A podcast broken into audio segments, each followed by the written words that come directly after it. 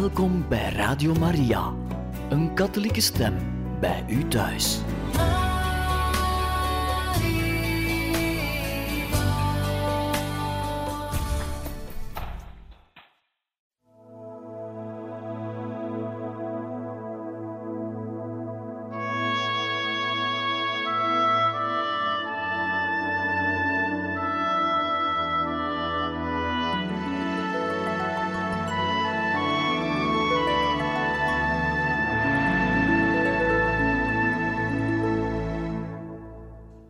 Beste luisteraars van Radio Maria, hartelijk welkom in dit programma Heilige Getuigen, waar wij verder gaan met de lezing van het boek De Wenende Maagd van La Salette, geschreven door eerwaarde heer de Vleeschouwer. In de vorige sessie hebben wij gezien dat de historische achtergrond waarin de verschijningen van La Salette plaats hebben, wordt beschreven door de schrijver de Franse Revolutie heeft een paar tientallen jaren ervoor plaatsgehad en de eerste verschijningen van Onze Lieve Vrouw hebben plaats in Parijs, in de Rue du Bac. Hier gaan we nu verder. Bij het zien van zoveel ellende kan de heilige maagd haar kinderen niet langer zien lijden en sukkelen. Ze daalt uit de hemel neer in de Rue du Bac te Parijs waar ze aan de nederige kloosterzuster Catherine Labouret bevelen en raad komt geven tot heropstanding en hernieuwing van het christelijk leven bij haar volk. Maar het waren al woorden in de wind, niemand wou er rekening mee houden.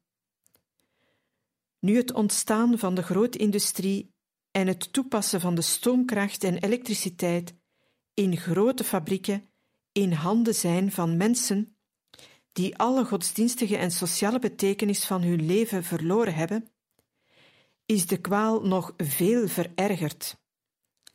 De liberale economie, afkomstig uit Engeland, dient nu als wetboek voor de parvenu uit de burgerij, die zich tijdens de revolutie rijk gestolen hebben met de goederen van de kerk en van de adel, die nu de bevoorrechte klas uitmaken en die thans de teugels van de staatswagen in handen hebben. Haar sociaal gezag gebruikt zij tot het organiseren van dwangarbeid gedurende 12 tot 14 uur per dag, tot het volledig uitzuigen van de werklieden. De grootindustrie heeft het proletariaat uit de buiten naar de voorsteden gelokt, waar het als een lamentabele massa opeengepakt zit in steegjes en op mansarde. Is het dan te verwonderen wanneer je mannen, vrouwen en kinderen van zes à zeven jaar van de vroege morgen tot de late avond ziet zwoegen als slaven voor een hongerloon, dat er dan opstanden ontstaan, dat er revolutionaire theorieën als eigendom is diefstal opgesteld en verspreid worden en dat die door de massa gretig worden onthaald? De wereld van toen was in twee gescheurd door een hatelijke klassenstrijd die nu nog steeds woedt. Men herinnert zich nog de droeve klacht van Paus Pius XI. Het grootste schandaal van de laatste eeuw is dat de kerk de arbeidersklas verloren heeft. En in zijn wereldbrief quadragesimo anno, voegt hij eraan toe: De levenloze stof komt veredeld uit het atelier, terwijl de mensen er bederven en ontaarden. De revolutie had alle sociale instellingen opgeheven en ontbonden, onder meer de oude gilde, die vroeger de belangen van de werklieden verdedigde en zo waren deze dan door niemand of niets meer beschermd. Het liberalisme verwerpt ieder ingrijpen van de staat om de economisch zwakkere te beschermen. Het duldt geen vak- of standsorganisaties en erkent ook geen sociale moraal. Het recht is aan de sterkste, in andere woorden, aan de kapitalist die ook volledig dictator is. De arbeiders stonden totaal weerloos. Wilden ze de gemene arbeidsvoorwaarden van de patroons niet aanvaarden, dan moesten ze maar bedelen. Zo ontstond een steeds diepere kloof tussen kapitalisme en proletariaat, met als gevolg de verwoede klassenstrijd.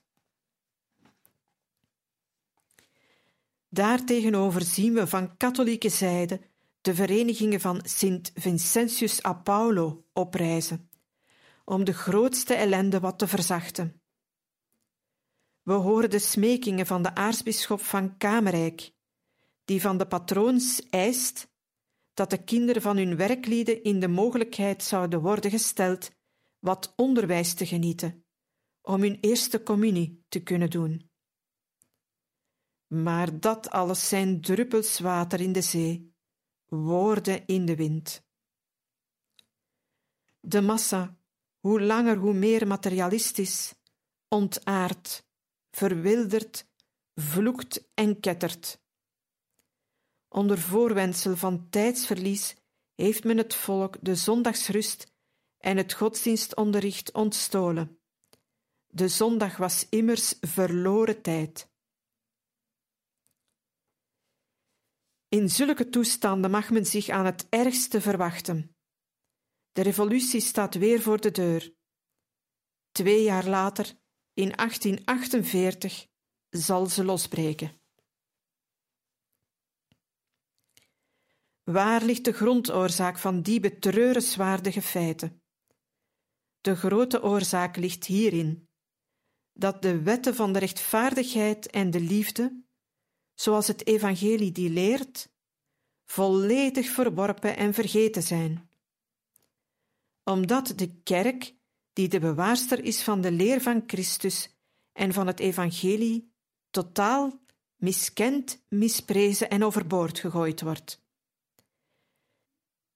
De geestelijke waarde en de goddelijke ingeving van het heilig geschrift wordt eenvoudig weggelogend. Als reactie tegen de leer van het evangelie worden de afbrekende werken van Diderot, Voltaire, Rousseau, Renan en van andere fanatieke godsdiensthaters in talrijke goedkope edities heruitgegeven, in honderdduizenden exemplaren onder de massa verspreid en gretig gelezen pers en onderwijs staan vijandig tegenover de kerk. In zijn berucht boek De toekomst van de wetenschap stelt Renan zich als hoofddoel de levende God van zijn troon te halen. In zijn boek Het leven van Jezus tracht dezelfde schrijver te vergeefs de genadeslag te geven aan de Godmens, terwijl hij de zachte en honingzoete profeet van Galilea in de wierook en in de bloemen zet, logent hij volledig de godheid van Christus met gans zijn verlossingswerk. Is het dan te verwonderen dat bij deze onterfde massas, die als slaven moeten zwoegen, God uit hun leven verdwijnt? Dat het gebed plaats moet ruimen voor godslastering en zedeloosheid? dat ze ontspanning zoeken in kroegen met de gemeenste losbandigheden, dat de leiders de haat van de massa uitbuiten om er de prooi van te maken voor het opkomend socialisme en communisme? Maar wat doet de kerk dan om haar kinderen van die dreigende ondergang te redden? De revolutie heeft de kerk in Frankrijk lam geslagen. Ontelbaar zijn de parochies die gelijken aan die van Ars, waar men moet beginnen met een weinig liefde voor God terug in de zielen te brengen. Maar de pastoors van Ars zijn uiterst zeldzaam en de kwaal is zo algemeen. Daarbij heeft het Gallicanisme in Frankrijk een dramatische strijd ontketend tegen de moederkerk.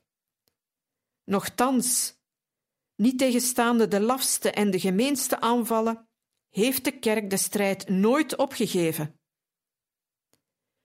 Zoals altijd blijft ze de sociale rechtvaardigheid verdedigen, en door de stem van haar oppergezag, en door haar uitgelezen voormannen. Een Montalembert krijgt er mits harde strijd in de Kamers het wetsvoorstel door dat vrouwen en kinderen op het werk beschermt. Een frère Ozanam, professor aan de Sorbonne, verdedigde de universitaire jeugd om de sociale noden te lenigen en zet met zijn studenten het werk voort van Sint Vincentius a Paulo. Een Lacordaire verdedigt van op de kansel in de Lieve Vrouwkathedraal te Parijs de rechten van de verdrukte massa. De toestanden waren erg verschrikkelijk. Weinig priesters, volledig materialisme en daarbij overal een geest van wantrouwen en haat.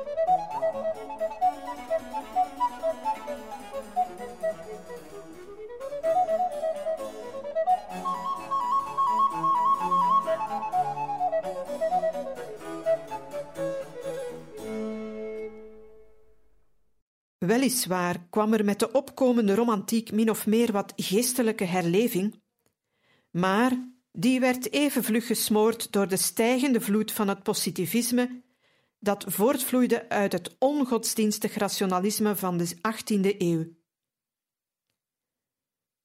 Op dit moment stelt Auguste Comte zijn positivistische wijsbegeerte voorop, die in de dwaze onzin ontaart.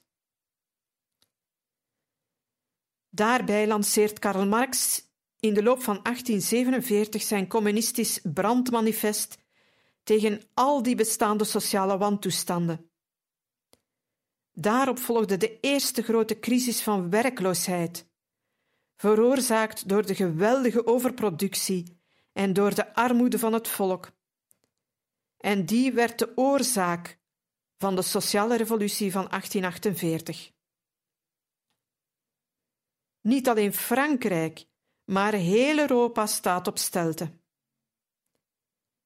In Italië wordt de jonge paus Pius IX vals beschuldigd van ontrouw aan het vaderland, omdat hij als vader van de ganse christenheid kordaat weigert deel te nemen aan de oorlog van Italië tegen Oostenrijk.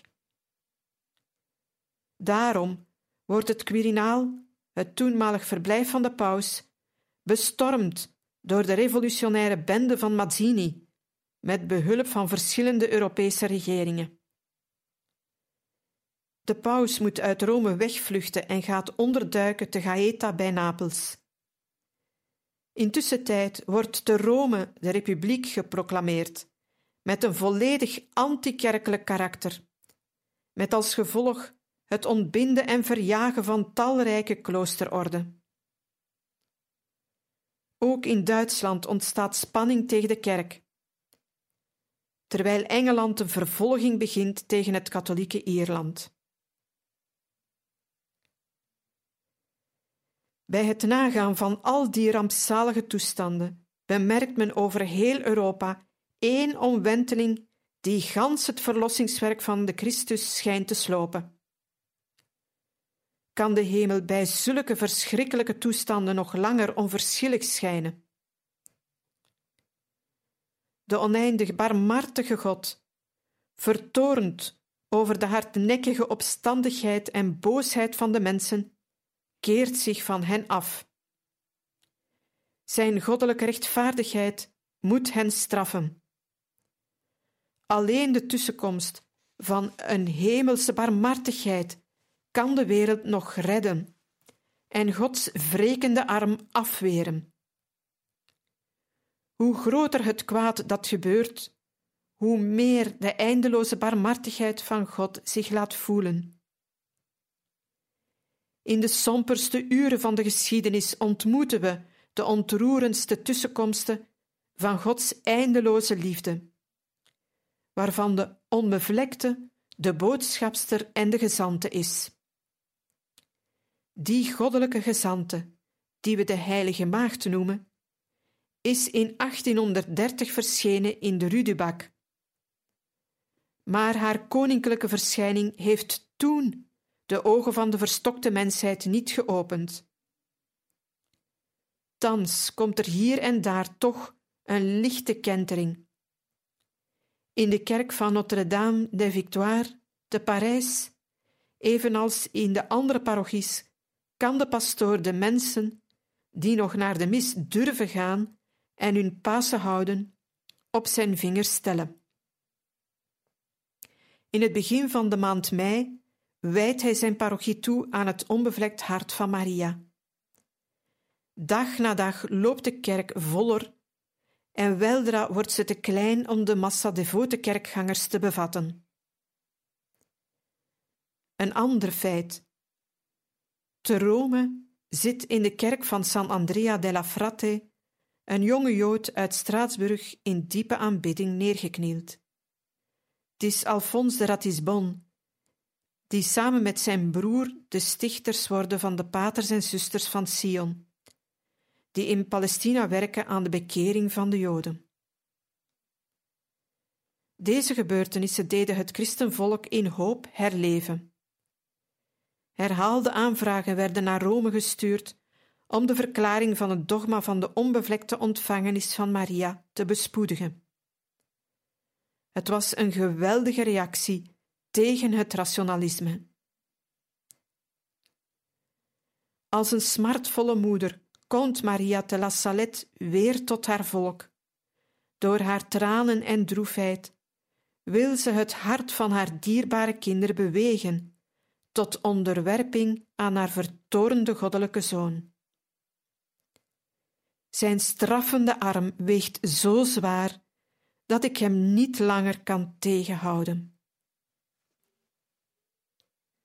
Hoofdstuk 4 De zieners van La Salette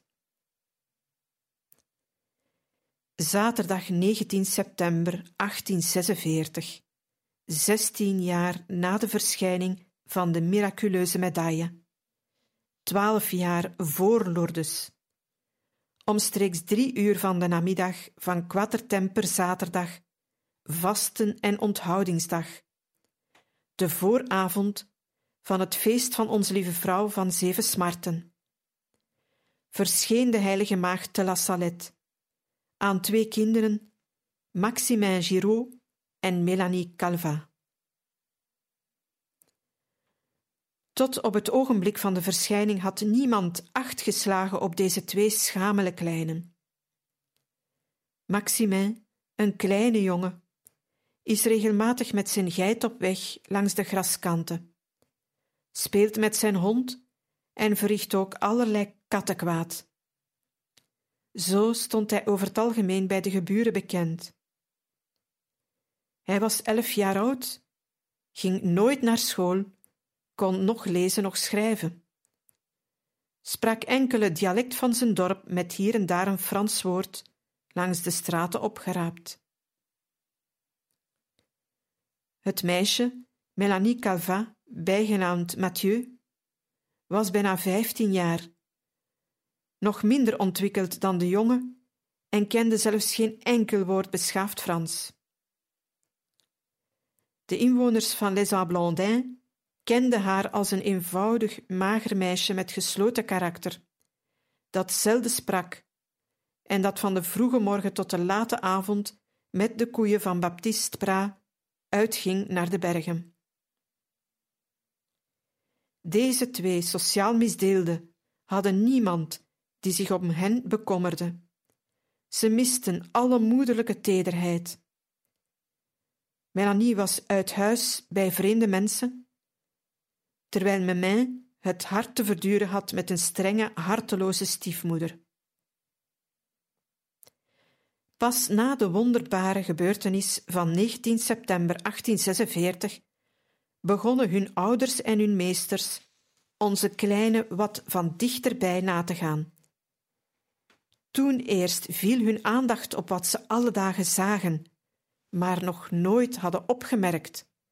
Van toen af kwamen dagelijks tal van geleerden deze twee schamele kinderen met een massa strikvragen overstelpen. Hun wispelturig karakter bleef een totale tegenspraak met de wonderbare gebeurtenis, zodat al wie hen kende beweert dat de verschijning hun gewoon dagelijks uiterlijk niet het minst heeft veranderd.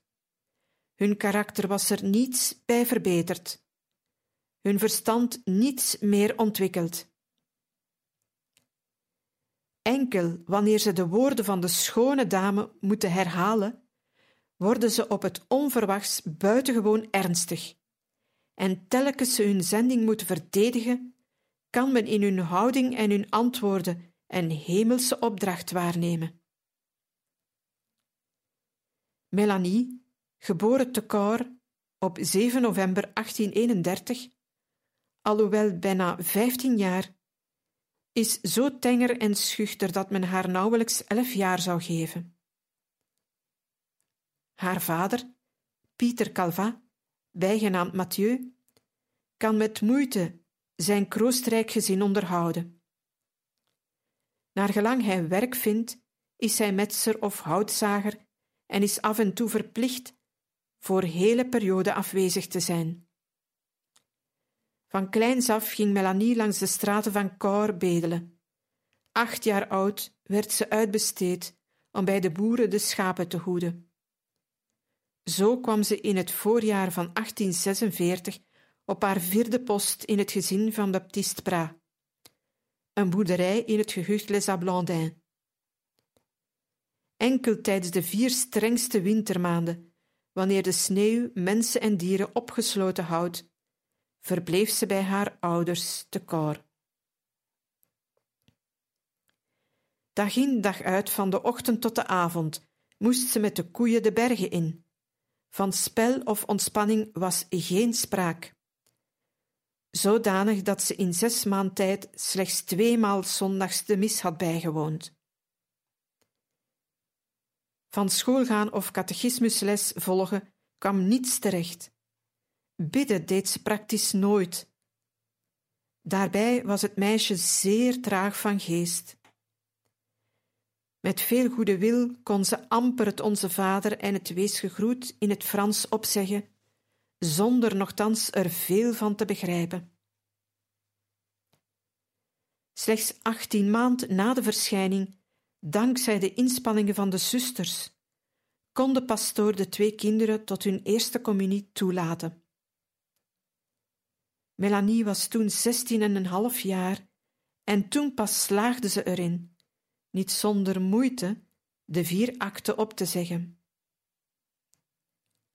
Maar in de eenzaamheid van de bergen, te midden van Gods vrije natuur, is ze rein gebleven. Ze had immers geen contact met de wereld. De wulpse geest van de ontaarde grootstad kon haar daar niet bereiken en haar nog onschuldig gemoed niet bezoedelen. Voor Maximin waren de jeugdjaren heel wat aantrekkelijker dan voor Melanie. Zonder kommer of zorgen kon hij spelen en ravotten. Hij was een echte straatkapoen. Hoe zou het anders kunnen? Geboren te Cor op 27 augustus 1835, verloor hij nog in de wieg zijn moeder. Vader hertrouwde en zo kreeg de kleine een stiefmoeder, met al het hatelijke aan dat woord verbonden. Zo harteloos dat ze hem dikwijls zonder eten en met honger de straat opjoeg. Vader Giraud was wagenmaker en flink vakman, veel te goed en te gevoelig van karakter. Soms had hij het thuis ook hard te verduren en zocht dan zijn troost in de drank. Hij hield veel van het kind uit zijn eerste huwelijk, maar was te zwak om het te verdedigen. Het veiligste wat hem te doen stond was zwijgen en maar laten begaan. Nochtans, tegen de gewoonte van de streek in, wou hij zijn jongen niet uitbesteden als herder. Zo genoot Maximin van de volle vrijheid. Alle steegjes van het dorp kende hij tot in de meest verborgen hoekjes, en met de geheimen van de bergen was hij ten zeerste vertrouwd. Van huis uit stuurde men hem regelmatig naar school en naar de catechismus. Maar hij kende vaders zwakke kant en moeders onverschilligheid, zodat hij gewoonweg de plaat poetste wanneer hij zich daar verveelde.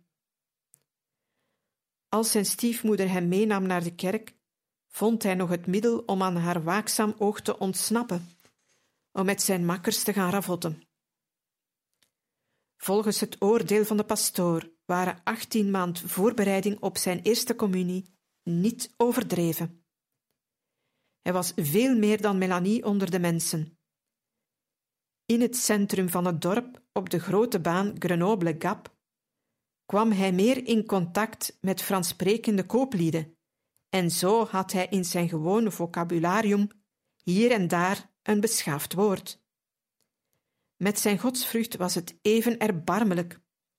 Aan bidden en naar de mis gaan had hij een hekel. Het is slechts later dat hij op dit punt totaal zal veranderen.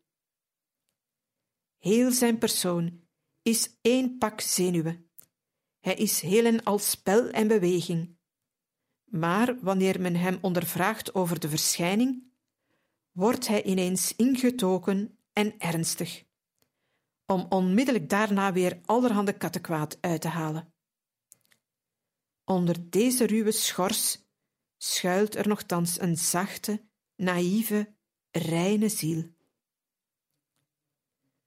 Uit eigen beweging zal hij, evenals Melanie, nooit spreken over de grote gebeurtenis, maar wanneer hij daarover wordt ondervraagd, straalt uit zijn aangezicht een hemelse geestdrift eenvoud, nederigheid, oprechtheid en reinheid zijn de grote trekken van zijn wispelturig karakter. Zou het soms om die reden niet zijn dat de Heilige Maagd hem uitverkoren heeft als drager van haar hemelse boodschap?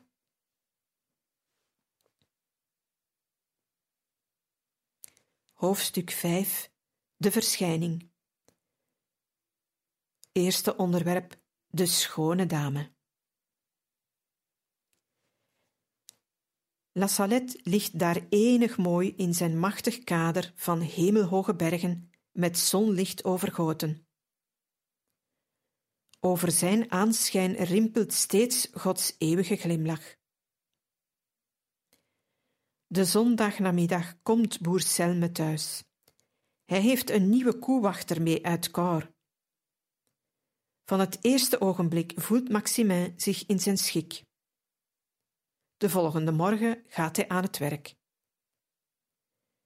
Pieter Selme wijst onze kleine de weg, en daar hij in de nabije omgeving werk heeft, kan hij ook een oogje in het zeil houden.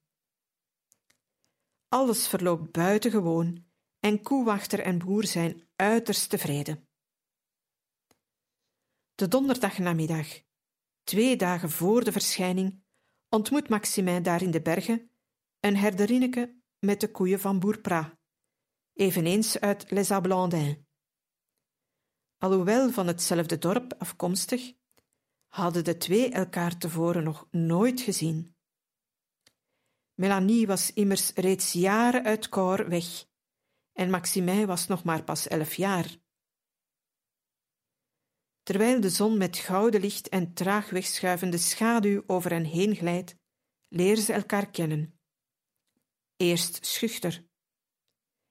Daarna vinden ze daarboven zoveel heerlijks. Zij glimlacht om zijn aandoenlijke zorg, om zijn uitgelaten vreugde. Hij voelt iets heerlijks in zich, nu hij in die eentonigheid eindelijk een speelkameraadje heeft gevonden.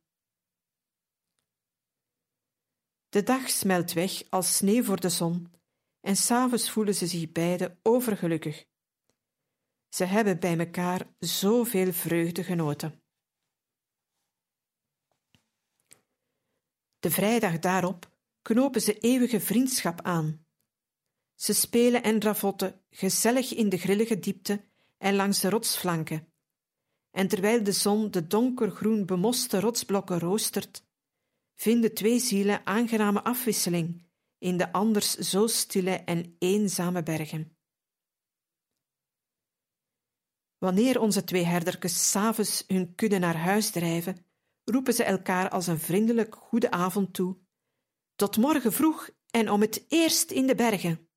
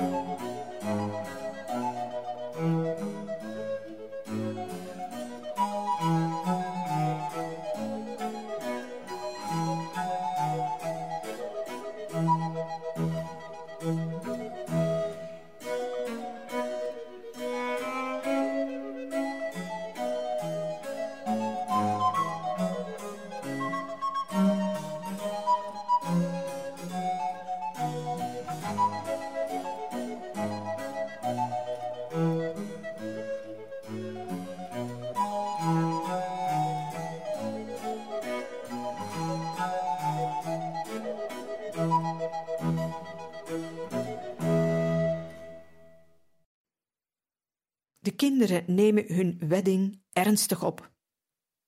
Toen de kleine de volgende morgen, op de beruchte 19 september, de eerste op weg was en het huis van boer Bra met een schaterlach overhoop zette, moest Melanie juist nog een paar koeien melken en een brokje eten.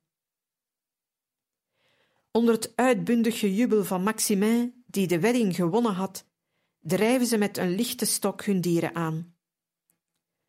De zon keek juist boven de bergen naar de kruin van de Obiu. De kinderen tateren en jubelen wij ze vrolijk heen en weer galopperen, op de hielen gevolgd door Lulu, de trouwe herdershond. Weten de kinderen dat deze dag hen beroemd zal maken? Nee, ze zijn speelziek, ze stralen van vreugde in deze heerlijke herfstzon. De 19 september 1946 zou heel Frankrijk en tenslotte heel de wereld wakker schudden voor een overweldigende heilige gebeurtenis. God zal zijn goedheid mild uitstralen over zijn kinderen. Met liefdevolle ontroering zal hij neerzien op de gehuchtjes daar beneden diep in het dal. Frankrijk is het duister dal van de ballingschap met hatelijke woestijnen van ongodsdienstigheid en verschroeiende wegen van zelfzucht en genot. Frankrijk behoort aan hem. Het speelt zijn rol in het plan door Gods voorzienigheid ontworpen. God schouwt door die lichtstrepen als door een open poort in de komende tijden. Maria, zij de ster der zee, zal van de donkere nacht een weldaad maken. Haar mateloze moederliefde zal haar kinderen omarmen en hen op de boord van de afgrond een reddende hand toereiken. De vroege ochtend van zaterdag 19 september zijn de twee vrolijke, levenslustige herders volgens afspraak kant en klaar met hun kudde in de bergen. Onbekommerd, los en vrij drijven ze hun koeien in de richting van de Plano, met zijn groene kruin tussen kale bergtoppen. O, wat staan er hier prachtige bergbloemen tussen het magere gras, hemelsblauwe gentianen en sierlijke distels, die als zeesterren hun stekelige blaren plat over het kort gegraasde gras openspreiden en in hun midden een lieve bloemenknop aan de grond zijn vastgespijkerd. Veerkrachtig wippen de vrolijke kinderen de helling op en neer, links en rechts, op zoek naar de mooiste en zeldzame bloemen van de zo rijke bergflora. Ze jagen achter bonte vlinders, beloeren gonzende hommels of wespen die ze wantrouwig nazetten, of happen naar een neerstrijkende sprinkhaan. De koeien grazen rustig op de helling. Hier, op afstand van de diepe ravijnen, hebben ze vrije loop. Nergens kunnen ze schade aanrichten. Hun helklinkende halsbellen verraden immers hun aanwezigheid. Loulou, de trouwe schapershond van Maximin, waakt over de kudde, terwijl de twee uitbundige kinderen kunnen stoeien naar hartelust. Tot smiddags blijven ze op de heerlijke zuiderhelling van de Plano. Wanneer vanuit de toren van het dorpskerkje ginds diep in de vallei het Angelus weer klinkt, drijven ze de koeien naar de overkant, om hen aan de beestenfontein in de ravijn van de Cesia te laten drinken. Dan jagen ze hun gedweeën dieren verder naar de uitlopende hellingen van de Garga.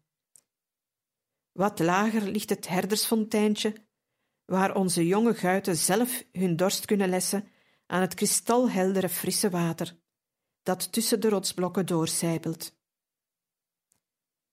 Ze gaan zitten. Smakelijk verorberen ze hun karig middagmaal. Een stuk roggebrood en een snede kaas, s'morgens van de hoeve meegebracht.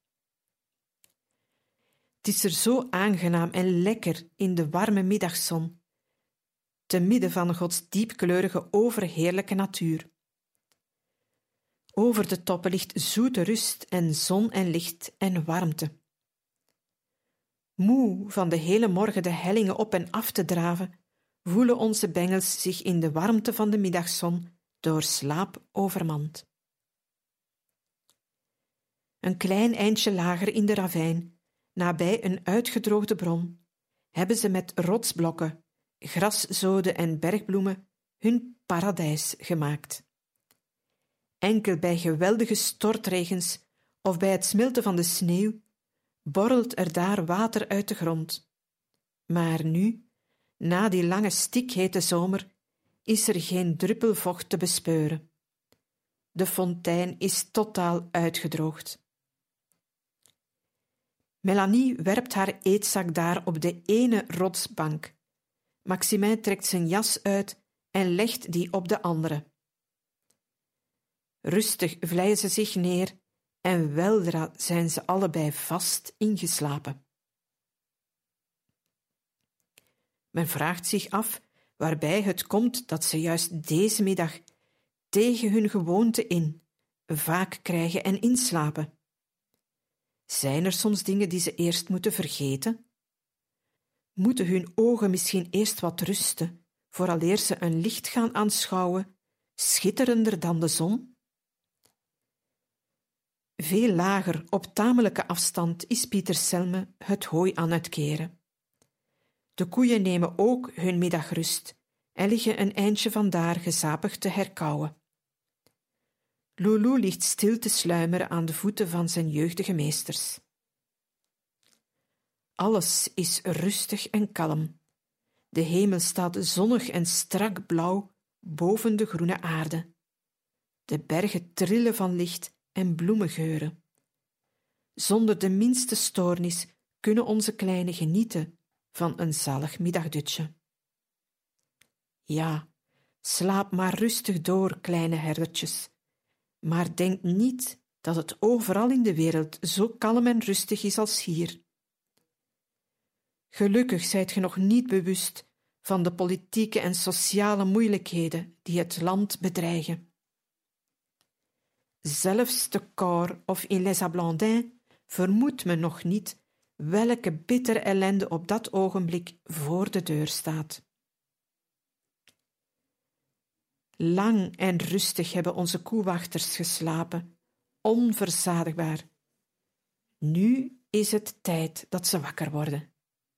Ja, ontwaakt nu maar, kleine herdertjes van La Salette. Het uur slaat voor u en voor de geschiedenis om een enige gebeurtenis op te tekenen in de annalen van Maria. Weldra wordt voor de harten Gods diepte opengebroken. Weldra wordt je getuige van Maria's eindeloze moederliefde. Vlug, ontwaakt, kleine slapers. Jij die niets betekent voor een wulpse wereld die kookt en ziet, ginds ver over de bergen, gij vertegenwoordigt niets, schijnbaar althans, in het massaspel van uw hedendaagse tijd. En nochtans, de hemel nodigt u uit om aan dat ontzettend toneel deel te nemen. Van nu af zullen uw namen de wereld door beroemd worden. Velen zult ge doen schrikken en beven. Velen zult ge doen knarsen tanden van haat en gramschap. Men zal u slaan, met uw spotten en gekken. Talloze verloren zielen zult gij, onbewust misschien, terugbrengen naar het vaderhuis. Ja, word wakker, het is hoog tijd, want de hemel gaat open voor u. Weldra verschijnt u de moeder van alle smartelijke dolenden. Beste luisteraars van Radio Maria, we beëindigen hier voor vandaag deze lezing uit het boek De Wenende Maagd van La Salette en we gaan volgende keer verder met hoofdstuk 5, de verschijning en het eerste onderwerp, de schone dame. We hopen dat deze lezing u gesticht heeft, wensen u nog een gezegende avond toe en tot een volgende keer.